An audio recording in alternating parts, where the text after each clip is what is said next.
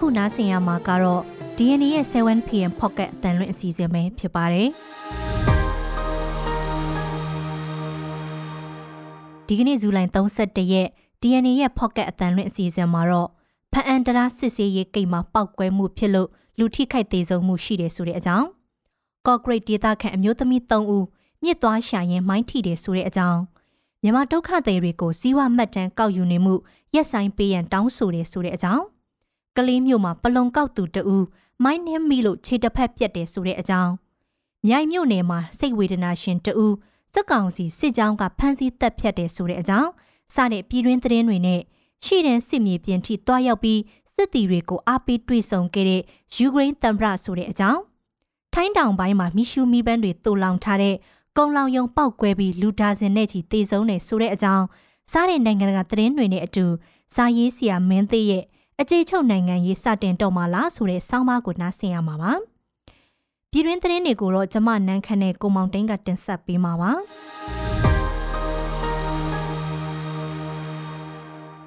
အခုပြည်တွင်းသတင်းများကိုတင်ဆက်ပေးပါမယ်ပထမအဦးဆုံးသတင်းတစ်ပုဒ်အနေနဲ့ဖအန်တရာစစ်စေးဂိတ်မှာပောက်ကွဲမှုဖြစ်လို့လူထိခိုက်ဒေဆုံးမှုရှိတဲ့အကြောင်းကိုပြောပြပေးပါမယ်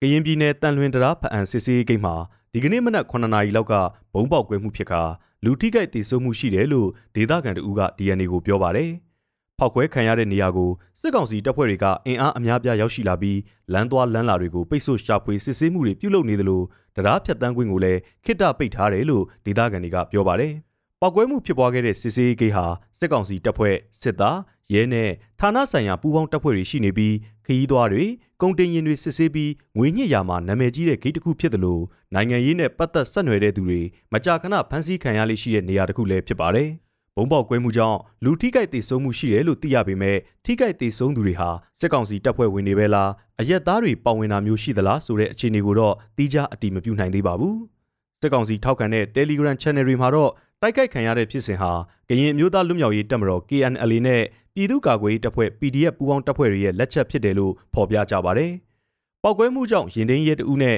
ခရီးသွားတဦးတေဆုံးသွားတယ်လို့ဆိုပါတယ်။ဆက်လက်ပြီးပြောပြချင်တဲ့အကြောင်းကတော့ကော့ဂရိတ်ဒေသခံအမျိုးသမီး3ဦးမြစ်သွားရှံရင်မိုင်းထိတယ်ဆိုတဲ့အကြောင်းပါ။ကရင်ပြည်နယ်ကော့ဂရိတ်မြို့နယ်အောင်မင်္ဂလာကျေးရွာမှာနေထိုင်တဲ့ လူငယ်အမျိုးသမီး2ဦးနဲ့12နှစ်အရွယ်မိန်းကလေး2ဦးတို့ဟာဇူလိုင်29ရက်မနက်ပိုင်းကမြစ်တွေမိုးတွေကိုသွားရှာရင်းမြေမြုပ်မိုင်းပောက်ကွဲမှုကြောင့်ဒဏ်ရာတွေရသွားတယ်လို့ KNU ဗဟိုကထုတ်ပြန်ထားပါတယ်။အဲ့ဒီအမျိုးသမီး၃ဦးဟာဇူလိုင်29ရက်မနက်အစောပိုင်းကမြစ်ရှာမူချိုးဖို့အထက်သွားလာကြရင်ကနေမြေမြုပ်မိုင်းနင်းမိခဲ့တာဖြစ်ပြီးအသက်12နှစ်အရွယ်မက်ခင်မအေးဟာစိုးရိမ်ရတဲ့ဒဏ်ရာတွေရရှိထားတယ်လို့ KNU ထုတ်ပြန်ချက်မှာဖော်ပြထားပါတယ်။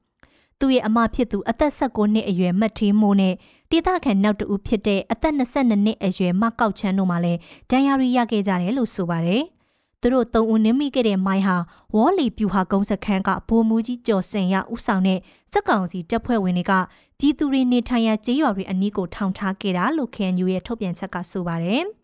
အခုလိုလူနေကျေးရွာတွေအနီးမှာမိုင်းထောင်ထားတာလက်နက်ကြီးတွေနဲ့ပစ်ခတ်တာတွေကြောင့် ဒေသခံတွေဟာဥယျာဉ်ချမ်းမြေတွေတဲ့အလုတ်သွားလုပ်ဖို့အတွက်တောင်စိုးရိမ်ထိတ်လန့်နေကြရတယ်လို့လည်းထုတ်ပြန်ချက်မှာဖော်ပြထားပါတယ်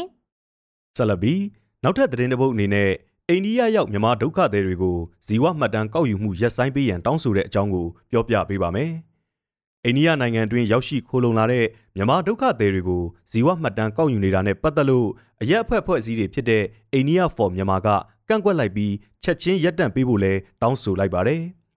ဒုက္ခသည်မြန်မာပြည်သူတွေကိုအတင်းအဓမ္မဇီဝမှတ်တမ်းကောက်ယူတာဟာပုဂ္ဂလိကလွတ်လပ်ခွင့်ကိုချိုးဖောက်တာဖြစ်တယ်လို့အဲ့ဒီထုတ်ပြန်ချက်မှာဖော်ပြထားပါတယ်။နိုင်ငံတွင်းပြည်ပခအခြေအနေတွေကြောင့်စီးပွားရေးလူမှုရေးအစင်မပြေမှုတွေအပြင်စိတ်ပိုင်းရုပ်ပိုင်းဆိုင်ရာဒုက္ခတွေနဲ့ရင်ဆိုင်နေရတဲ့မြန်မာပြည်သူတွေကိုအခုလိုတူဦးချင်းစီရဲ့စိတ်ဆန္ဒကိုလစ်လျူရှုပြီးအတင်းအကျပ်ဇီဝမှတ်တမ်းကောက်ယူနေတဲ့အပေါ်အပြင်းထန်ကန့်ကွက်ရှုံချတယ်လို့လည်းအိန္ဒိယဖော်မြန်မာကဝေဖန်ထားပါတယ်။ ပြည်သူတွေရဲ့အချက်လက်တွေကိုဇီဝမှတ်တမ်းရယူသိမ်းဆည်းတာနဲ့ပတ်သက်လို့လည်းအဲ့ဒီအချက်လက်တွေကိုအသုံးပြုပြီးဖိနှိပ်မှုနဲ့နိုင်ငံရေးအသုံးချမှုတွေဖြစ်မလာစေဖို့အတွက်ထိန်းကျောင်းနိုင်တဲ့ digital ရပိုင်ခွင့်ဆိုင်ရာဥပဒေတွေနိုင်ငံအသီးသီးမှာလုံလုံလောက်လောက်ပြဋ္ဌာန်းမထားဘူးလို့ထောက်ပြထားပါတယ်။ဇီဝမှတ်တမ်းအချက်လက်ကောက်ယူတဲ့လုပ်ငန်းစဉ်မှာလူတူးချင်းစီရဲ့မတူညီတဲ့ရုပ်ပိုင်းဆိုင်ရာဒါမှမဟုတ်အပြုတ်မှုဆိုင်ရာလက္ခဏာတွေကိုဤပညာအသုံးပြုသိသိကခွဲခြားမှတ်တမ်းတင်ထားတာဖြစ်ပါတယ်။ အဲ့ဒီလိုသိသိစုဆောင်းထားတဲ့အချက်လက်တွေထဲမှာလက်ပွေမျက်နာပုံမျက်ဝန်းစကန် DNA profile အတန်ပွေရာစတာတွေပါဝင်ပါတယ်။အိန္ဒိယအစိုးရအနေနဲ့မြန်မာနိုင်ငံကစစ်ဘေးရှောင်ဒုက္ခသည်တွေနဲ့ပတ်သက်လို့လူသားဆန်ပြီးဒီမိုကရေစီကြတဲ့နည်းလမ်းတွေအသုံးပြုကူညီကယ်ဆယ်သင့်တယ်လို့အိန္ဒိယဖော်မြန်မာကတိုက်တွန်းထားပါတယ်။ကလေးမျိုးမှာပလုံကောက်သူတအူမိုင်းနှင်းမိလို့ခြေတစ်ဖက်ပြက်တယ်ဆိုတဲ့အကြောင်းကိုဆက်လက်ပြောပြပေးပါမယ်။ စကိုင်းတိုင်းကလေးမျိုးအနောက်ပိုင်းတောင်ဇလက်ရက်ကွက်ဆဲမြောင်းယုံနားမှာပလုံကောက်သူလူငယ်တအူဟာဇူလိုင်29ရက်ညနေ9နာရီခွဲဝန်းကျင်မှာစက်ကောင်စီကထောင်ထားတဲ့မြေမြုပ်မိုင်းနှင်းမိပြီးတော့ခြေတစ်ဖက်ဖြတ်တန်ရာရရှိခဲ့တယ်လို့ဒေတာခန်တွေကပြောပါတယ်။ခြေတစ်ဖက်ပြက်တန်ရာရရှိခဲ့တဲ့သူဟာအသက်20ဝန်းကျင်ပလုံကောက်သူမြို့ခံလူငယ်တအူဖြစ်ပြီးတော့ကလင်းမြို့တက်စီယုံမှာစီကူတမှုခံယူနေတယ်လို့လည်းဒေတာခန်တွေကပြောကြပါတယ်။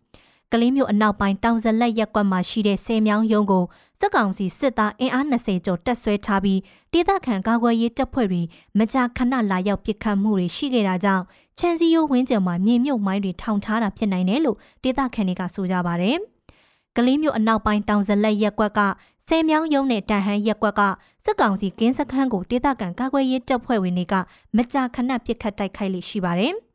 အခုနှစ်ဖေဖော်ဝါရီလမှာဆယ်မြောင်းရုံးကို ဒေသခံကာကွယ်ရေးတပ်ဖွဲ့ဝင်တွေက RPG နဲ့ပါပစ်ခတ်တိုက်ခိုက်ခဲ့တာကြောင့်ဆယ်မြောင်းရုံးအပြင်ကမြေတူးဆက်တစီမီးလောင်ကျွမ်းခဲ့ပြီးစစ်ကောင်စီအဖွဲ့ဝင်တွေတေဆုံးမှုရှိခဲ့တယ်လို့စစ်ကောင်စီအဖွဲ့ဝင်တွေရဲ့ရန်တမ်းပစ်ခတ်မှုတွေကြောင့်လည်းအယက်သားလူငယ်တဦးတေဆုံးကအမျိုးသမီး၃ဦးလည်းထိခိုက်ဒဏ်ရာရရှိခဲ့ပါတယ်။နောက်ဆုံးသတင်းတစ်ပုဒ်အနေနဲ့မြိုင်နယ်မှာစိတ်ဝေဒနာရှင်တဦးကိုစစ်ကောင်စီစစ်ကြောင်းကဖမ်းဆီးတပ်ဖြတ်တဲ့သတင်းကိုပြောပြပေးပါမယ်။မကွေးတိုင်းမြိုင်မြို့နယ်တောင်ပိုင်းကျေးရွာတချို့ကို လှည့်လည်စစ်ကြောင်းထိုးခဲ့တဲ့စစ်ကောင်စီတပ်ဟာစိတ်ကျမ်းမာရေးမကောင်းတဲ့ဒေသခံအမျိုးသားတဦးကိုဖမ်းဆီးတပ်ဖြတ်သွားတယ်လို့ဒေသခံတွေကပြောပါတယ်။မြိုင်မြို့နယ်တောင်ပိုင်းကပန်းတိုင်းတောရွာကိုစစ်ကောင်စီစစ်ကြောင်းကမနေ့ညမှာစစ်ကြောင်းထိုးဝင်ရောက်ခဲ့တာဖြစ်ပြီးအသက်38နှစ်အရွယ်ကိုနေအောင်ကိုတပ်ဖြတ်ခဲ့တာလို့ဒေသတွင်းသတင်းရင်းမြစ်တွေကပြောပါတယ်။စစ်ကြောင်းပြန်ထွက်သွားပြီးတဲ့နောက်ဒေသခံတွေပြန်တွေ့ရတဲ့ကိုနေအောင်ရဲ့ရုပ်လောင်းဟာဥကောင်းကိုအနီးကပ်ပြစ်ခတ်တပ်ဖြတ်ထားတဲ့အခြေအနေနဲ့တေဆုံးနေတာလို့ဆိုပါတယ်။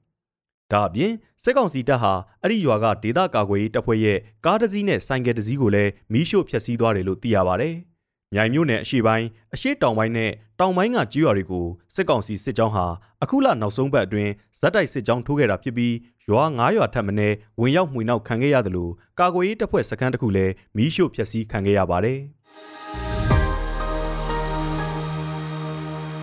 တက်လက်ပြီး နိုင်ငံတကာသတင်းအစီအစဉ်ကိုနန်းခမ်းကတင်ဆက်ပေးပါမယ်။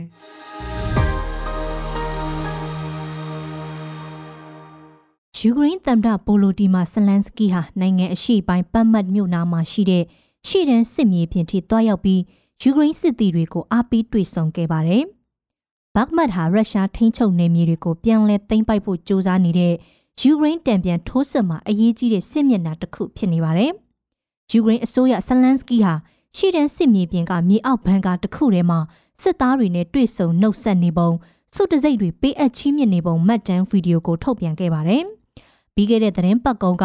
ခရီးစဉ်အတွင်းဇလန်စကီကသူဟာယူကရိန်းစစ်သားတွေရဲ့ရဲစွမ်းတက်တိနဲ့ကြန့်ခိုင်မှုကိုချီးကျူးဂုဏ်ပြုဖို့အတွက်ရှေ့တန်းစစ်မြေပြင်ထိလာရောက်ခဲ့တာလို့ပြောကြားခဲ့ပါတယ်။ဇလန်စကီကသူ့ရဲ့ရှေ့တန်းရောက်ခရီးစဉ်ကိုအတီးပြုတ်ခဲ့ပေမဲ့ယူကရိန်းအထူးတပ်ဖွဲ့ဝင်တွေလက်ရှိတာဝန်ယူနေတဲ့စစ်စင်ရေးတွေနဲ့ပတ်သက်လို့တော့ ဘာမှတ်ချက်မှမပေးခဲ့ပါဘူး။ယူကရိန်းဟာရုရှားထိန်းချုပ်နယ်မြေတွေကိုပြန်လည်သိမ်းယူဖို့တံပြန်ထိုးစစ်အစီအမံတွေကိုနိုင်ငံအရှေ့ပိုင်းနဲ့တောင်ပိုင်းဒေသတွေမှာဇွန်လတုန်းကစတင်ခဲ့ပါတယ်။ယူကရိန်းတံပြန်ထိုးစစ်ဟာအစပိုင်းမှာမျောမှန်းတလောက်ခရီးမပေါက်ခဲ့ပေမဲ့ရက်ကြာလာတာနဲ့အမျှအရှိန်ပိုရလာတယ်လို့အနောက်မဟာမိတ်နိုင်ငံတွေရဲ့စစ်ရေးသူတေသီတွေကသုံးသပ်ကြပါတယ်။ပြီးခဲ့တဲ့ရက်ပိုင်းမှာအမေရိကန်နိုင်ငံသားရေးဝန်ကြီးအန်တိုနီပလင်ကန်ကယူကရိန်းဟာ အခုဆိုရင်ရုရှားတပ်တွေထိန်းချုပ်ထားတဲ့ပိုင်နက်နေမြေတွေရဲ့ထက်ဝက်လောက်ထိအခြေအဝန်းကိုပြန်လည်သိမ်းယူနိုင်ခဲ့ပြီဖြစ်တယ်လို့ပြောကြားခဲ့ပါတယ်။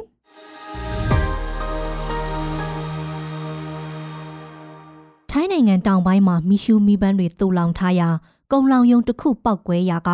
လူတဒါစင်ထက်မနဲ့တေဆုံးပြီးရာနဲ့ချီထိခိုက်ဒဏ်ရာတွေရရှိခဲ့ပါတယ်။နာရာတီဝတ်ပြည်နယ်တဲကဆွန်ကိုင်ခိုလောက်ဆိုတဲ့မြို့လေးတဲက ဈေးတစ်ခုတဲကကုံလောင်ယုံမှာပြီးခဲ့တဲ့သတင်းပတ်ကုံကအပြင်းအထန်ပောက်ကွဲမှုဖြစ်ပွားခဲ့တာပါ။ဇူလိုင်29ရက်ပောက်ကွဲမှုကအရှိန်ပြင်းလွန်းတာကြောင့်စေးဆိုင်ခန်းတွေအပြင်ဈေးနဲ့မီတာပေါင်းရာနဲ့ချီဝေးကွာတဲ့နေရာမှာရှိတဲ့ရက်ွက်တီတွေကနေအိမ်တွေပါအမိုးတွေကျွတ်ထွက်တာပြိုလဲကုန်တာတွေကြုံတွေ့ခဲ့ပါတယ်။ကနဦးစုံစမ်းမှုတွေအရကုံလောင်ယုံနာကဆောက်လုပ်ရေးလုပ်ငန်းခွင်တစ်ခုမှာဝရိန်စော်ယာကနေအမားအယွင်းဖြစ်ပြီးမိကူးဆက်ရာကအခုလိုပောက်ကွဲခဲ့တာလို့သိရှိရပါတယ်။ ဇူလိုင်30ညပိုင်းအထိအခြေအနေအရတေဆုံးသူ12ဦးအထိရှိခဲ့ပြီး2ဦးကဘယ်သူဘယ်ဝါခွဲခြားလို့မရသေးကြောင်းဒဏ်ရာရသူ122ဦးထဲမှာလည်းအသက်အန္တရာယ်စိုးရိမ်ရတဲ့သူတချို့ပါဝင်နေတဲ့အတွက်အသေးအပြောက်ထပ်တိုးလာနိုင်ကြောင်းဒေသဆိုင်ရာအုပ်ချုပ်ရေးမှူးဆန်နန်ပွန်ကက်ဆွန်ကပြောပါတယ်။အစောပိုင်းမှာကောက်ယူထားတဲ့စစ်တမ်းတွေအရပောက်ကွဲမှုဒဏ်ကြောင့်အိမ်ပေါင်း200ကျော်လောက်ဟာအတိုင်းအတာပမာဏမတူညီတဲ့ထိခိုက်ပျက်စီးမှုတွေကြုံခဲ့တယ်လို့သိရပါတယ်။ တချို့အိမ်တွေကတော့လုံးဝအုပ်တုံပြပြဝတ်ပြိုးလဲသွားတာဖြစ်ပါတယ်။ကုံလောင်ယုံပတ်ပတ်လည်မိသား900လောက်အထိပောက်ကွဲမှုရဲ့ဒဏ်ကိုတက်ရောက်ခံစားခဲ့ရပါတယ်။ကုံလောင်ယုံပောက်ကွဲမှုအပြီးလောင်ကျွမ်းနေတဲ့မီးတွေကိုနိုင်ပေါင်းအတော်ကြာအချိန်ယူပြီးမှထိန်းချုပ်ငိမ့်သက်နိုင်ခဲ့ပါတယ်။နာရာသီဝတ်ပြည်နယ်ရဲတပ်ဖွဲ့အကြီးအကဲရဲမှုကြီးချန်လန်ပန်ခမ်ခီဝီကပောက်ကွဲမှုမတိုင်ခင်လေးမှတင်ကုံလောင်ယုံမှာအရန်အပြင်းနဲ့ ပျောက်အိုးတွေတည်ယူထားရှိခဲ့တဲ့ဆိုတာကိုဖော်ထုတ်သိရှိထားကြောင်းပြောပါတယ်။အဲ့ဒီပျောက်အိုးတွေထားရှိမှုကခွင့်ပြုလိုင်စဉ်ရှိမရှိတရားဝင်မဝင်ဆိုတာကိုစုံစမ်းစစ်ဆေးနေတယ်လို့သူကဆိုပါတယ်။ကုံလောင်ယုံပောက်ကွဲတဲ့ပြင်းအားဟာရန်မုံကီလိုဂရမ်1000လောက်ကိုမိရှို့လိုက်တာနဲ့ညီမျှတယ်လို့လည်းခမ်ခီဝီကမှတ်ချက်ပေးပါတယ်။ကုံလောင်ယုံနေရာမှာ9မီတာလောက်နှက်ပြီး6မီတာလောက်ကျဲတဲ့ကျင်းချိုင်ကြီးနှစ်ခုဖြစ်ကြံခဲ့ပြီး အဆောက်အုံကတော့အစအနတောင်ရှာမတွေ့တော့ဘူးလို့မျက်မြင်တွေကပြောကြားထားပါတယ်။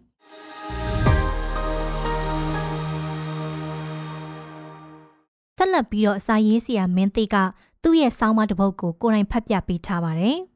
။မင်္ဂလာပါ။ဒီတစ်ပတ်မှာတော့အကျယ်ကျုပ်နိုင်ငံရေးစတင်တော့လာမှာလားဆိုရဲခေါင်းစဉ်နဲ့ကျွန်တော်ရေးသားထားတဲ့ဆောင်းပါးတစ်ပုဒ်ကိုဖတ်ပြခြင်းပါတယ်။ကျွန်တော်မင်းသိပါ။ ဒီနေ့ဒီအချိန်မှာဒေါ်စုနိုင်ငံရေးအခြေကျုပ်နိုင်ငံရေးနဲ့လက်နက်ကင်နိုင်ငံရေးရဲ့အဆက်ဆက်တွေအကြောင်းကိုအဓိကစဉ်းစားမှာဖြစ်ပါတယ်။အဲဒီထဲမှာဒေါန်ဆန်းစုကြည်ရဲ့အခမ်းကဏ္ဍကိုထည့်သွင်းတွက်ချက်ရမှာဖြစ်ပါတယ်။ဒေါန်ဆန်းစုကြည်အသက်ရှိနေသမျှဒေါန်ဆန်းစုကြည်ရဲ့နိုင်ငံရေးခမ်းကဏ္ဍဟာဘယ်တော့မှမေးမိန်ပပျောက်တော့မှာမဟုတ်ပါဘူး။အကြောင်းကတော့ဒေါန်ဆန်းစုကြည်ဟာ public memory ထဲမှာဆွဆွမြဲမြဲမြုပ်နှံထားခြင်းခံရတဲ့လူလူကောင်းဆောင်တယောက် ဖြစ်လို့ပဲဖြစ်ပါတယ်။ဒေါန်ဆန်းစုကြည်ပေါ်လူလူဟာသူ့ရဲကောင်းလို့လည်းမြင်ထားတယ်။သူတော်ကောင်းလို့လည်းမြင်ထားတယ်။ဒီမြင်ဟာဗမာပြည်မကဒေါန်ဆန်းစုကြည်ထောက်ခံတဲ့လူလူအတိုင်းဝိုင်းကြားမှာဖြစ်တယ်လို့ပြောချင်ပါတယ်။ဒါကြောင့်ဒေါ်စုနိုင်ငံရေးဟာဒေါန်ဆန်းစုကြည်တက်ရှိထင်ရှားရှိနေသမျှကာလပတ်လုံးတနည်းနည်းနဲ့တက်ရောက်နေအောင်မှာဖြစ်ပါတယ်။လက်ရှိຫນွေဦးတော်လိုင်းရေးဟာ တနိုင်ငံလုံးအတိုင်းအတာအထိတော်လန်အုံကြွတဲ့တော်လန်ရေးဖြစ်တယ်လို့ပြောနိုင်ပေမဲ့တောင်ဆန်းစုကြည်အပေါ်လေးစားကြည်ညိုရင်းဆွဲအခန့်နဲ့ရွေ့တဲ့တော်လန်ရေးလိုင်းလုံးတွေရှိကြောင်းအထင်ရှားတွေ့ခဲ့ရပါတယ်။ဒါဟာဒေါအောင်ဆန်းစုကြည်ရဲ့နိုင်ငံရေးဩဇာအပိုင်းလိုက်ဖြစ်ထွန်းနေစေဆိုတာကို ပြသနေတာဖြစ်ပါတယ်။နဝဒခေတ်နဲ့နာဖခေတ်ရှောက်လုံးမှာအခြေကျုပ်နိုင်ငံရေးပုံစံ တရက်ရှိခဲ့ပါတယ်။ဒေါ်ဆန်းစုကြည်ဟာနေအခြေချုပ်ဘဝနဲ့မြမဒီမိုကရေစီအရေးကို အကန့်အသတ်နဲ့ပတ်သက်ခွင့်ရခဲ့တာဖြစ်ပါတယ်။ဒါပေမဲ့ဘလို့ပဲနေအခြေချုပ်ဘဝနဲ့အကန့်အသတ်ခံထားခဲ့ရပါစေ။ဒေါ်ဆန်းစုကြည်ကိုဗဟိုပြုပြီးလှုပ်ရှားတဲ့နိုင်ငံရေးလှုပ်ရှားမှုဟာစစ်ဆိုးရခေတ်တလျှောက်လုံးတက်ရောက်မှုရှိခဲ့ပါတယ်။ဒေါ်ဆန်းစုကြည်အနေနဲ့ဘာစကားပြောမလဲလို့လူတို့က မျော်လင့်နားဆွင့်ခဲ့ရတဲ့အခြေအနေဖြစ်ခဲ့ပါတယ်။ဒေါန်ဆန်းစုကြည်ရဲ့နှုတ်ကထွက်တဲ့စကားတခုကိုတဲပြီးလူမှုနိုင်ငံရေးမှာဘလို့အရွေမျိုးတွေဖန်တီးမလဲဆိုတာဖြစ်ပျက်ခဲ့တဲ့ခေတ်ကာလမျိုးရှိခဲ့ပါတယ်။အခြေကျုပ်နိုင်ငံရေးဟာခေတ်နှောင်းဗမာနိုင်ငံရေးသမားတွေနဲ့ရင်းနှီးပြီးသားဖြစ်ပါတယ်။ဒါအပြင်မြန်မာစစ်တပ်ခေါင်းဆောင်တွေနဲ့လည်းရင်းနှီးကျွမ်းဝင်ပြီးသားနိုင်ငံရေးဒီဇိုင်းမျိုးဖြစ်ပါတယ်။ နွေဦးတော်လန်ရေးနှစ်နှစ်ကျော်သုံးနှစ်ကာလအတွင်းမှာအကျေကျုပ်နိုင်ငံရေးအသွင်ပြင်ဟာတဖြည်းဖြည်းနဲ့ပေါ်ပေါက်လာမယ်ဆိုတာထင်ရှားလာပါတယ်မြန်မာစစ်ကောင်းဆောင်တွေအနေနဲ့ဒေါန်ဆန်းဆွကြည်နဲ့မြန်မာနိုင်ငံရေးကိုအကန့်အသတ်ဘောင်တွေကနေထိတွေ့ခွင့်ရစေဖို့ကြံဆောင်တာမျိုးတွေ့လာရပါတယ်ဒါအပြင်ဒေသရင်းနိုင်ငံတွေဖြစ်တဲ့အာဆီယံနိုင်ငံတွေကထိုင်းတရုတ်တို့က ကိုယ်စားလှယ်တွေနဲ့ဒေါ်ဆန်းစွတ်ကြီးကိုထိထိတွေ့ပေးတွေ့တာမျိုးစပြီးလှုပ်လာတာတွေ့ရပါတယ်။ဒါဟာဒေတာရင်းနိုင်ငံတွေရဲ့ဂျားဝင်မှုကိုတစုံတရာအဖြစ်ခင်းကျင်းတိဆောက်ထားခြင်းဖြစ်တယ်လို့တစ်ဖက်မှာလည်းမြန်မာနိုင်ငံရဲ့အလဲပြောင်းအတွက်ဒေါအောင်ဆန်းစုကြည်ရဲ့အခန်းကဏ္ဍကိုဖွင့်ပြီးကစားဖို့စ조사တယ်လို့လည်းပြောနိုင်ပါတယ်။အကျေကျုပ်နိုင်ငံရဲ့အခင်းချင်းဟာနဝတာခေတ်အနာအဖခေတ်ကလိုမျိုး ပုံစံတော့ဟုတ်ချင်မှဟုတ်ပါလိမ့်မယ်။ဒေါအောင်ဆန်းစုကြည်ရဲ့ခြံရှိမှာနိုင်ငံရေးသမားတွေစာနယ်ဇင်းသမားတွေတယုံယုံနဲ့ထိတွေ့ခွင့်ရသောအခင်းချင်းမျိုးမဖြစ်ပါဘူး။ဒါပေမဲ့ဒေါအောင်ဆန်းစုကြည်နဲ့ထိတွေ့ခွင့်ရမယ်နိုင်ငံတကာနဲ့ပြည်တွင်းကလူတချို့ကိုစစ်ကောင်စီအနေနဲ့ gatekeeper role ကနေပြီးတော့စတင်ခင်းချင်းလာတာကို တွေ့လာရပါလိမ့်မယ်။လက်နက်ကိုင်နိုင်ငံရေးဒေါ်စုနိုင်ငံရေးနဲ့ အကျယ်ကျုပ်နိုင်ငံရေးတွေအကြားမှာဘလို့အင်ညမင်ညဖြစ်တည်မှုမျိုးကိုတိဆောက်နိုင်မလဲဆိုတာအရေးပါလာမယ်လို့ယူဆရပါတယ်။ဗမာပြည်မရင်းကလူထုရဲ့မျှော်လင့်ကိုးစားမှုဟာဒေါ်အောင်ဆန်းစုကြည်ရဲ့နိုင်ငံရေးဩဇာအောက်ကနေမလွတ်ကင်းသေးပါဘူး။ဒါကြောင့်ဒေါ်အောင်ဆန်းစုကြည်အပေါ်ဗမာပြည်မကလူထုရဲ့သဘောထားကိုခြေကုပ်ယူပြီးယခုဖြစ်စေလက်နက်ကိုင်နိုင်ငံရေးအခင်းချင်းကို ပလင်းလှုပ်ကြည့်ဖို့စ조사လာတယ်လို့ယူဆရကြောင်းတင်ပြလိုက်ရပါတယ်ခင်ဗျာ။